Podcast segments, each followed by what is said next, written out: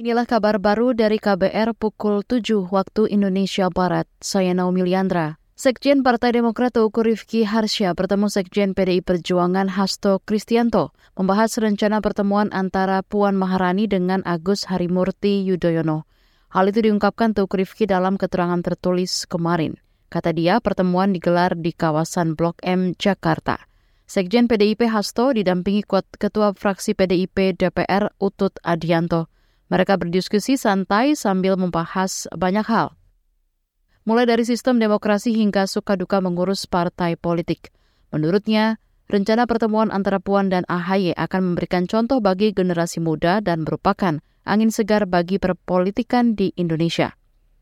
Seperti diketahui, Puan adalah Ketua DPP PDIP sekaligus Ketua Tim Pemenangan Ganjar Pranowo. Sedangkan AHY adalah Ketua Umum Partai Demokrat sekaligus parpol pengusung Anies Baswedan dari Koalisi Perubahan untuk Persatuan. Kita ke soal lain. Kementerian Kesehatan masih menyimpan sekitar 4 juta dosis vaksin COVID-19. Stok ini gratis bagi masyarakat selama masa transisi ke fase endemi. Menurut juri bicara Kemenkes Siti Nadia Tarmizi, mayoritas vaksin tersebut merupakan produksi dalam negeri, yakni Inavac dan Indovac.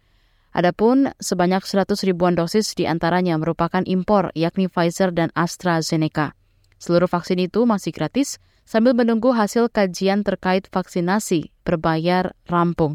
Kajian ini sedang disiapkan melalui mekanisme penerimaan bantuan iuran PBI Jaminan Kesehatan Nasional JKN. Nantinya biaya perawatan COVID bagi pasien PBI ditanggung sepenuhnya oleh BPJS Kesehatan.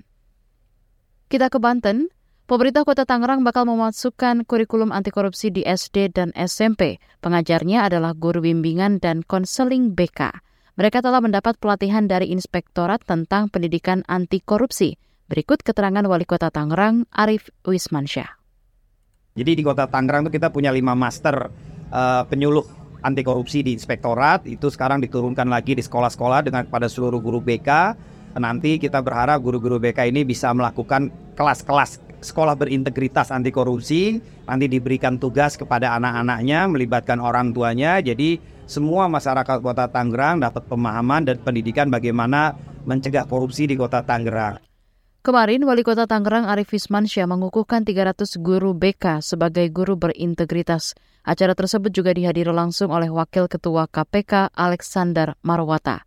Menurut Arif, para guru akan mengajar dan memberikan tugas kepada siswa yang juga melibatkan orang tua. Demikian kabar baru saya Naomi Liandra.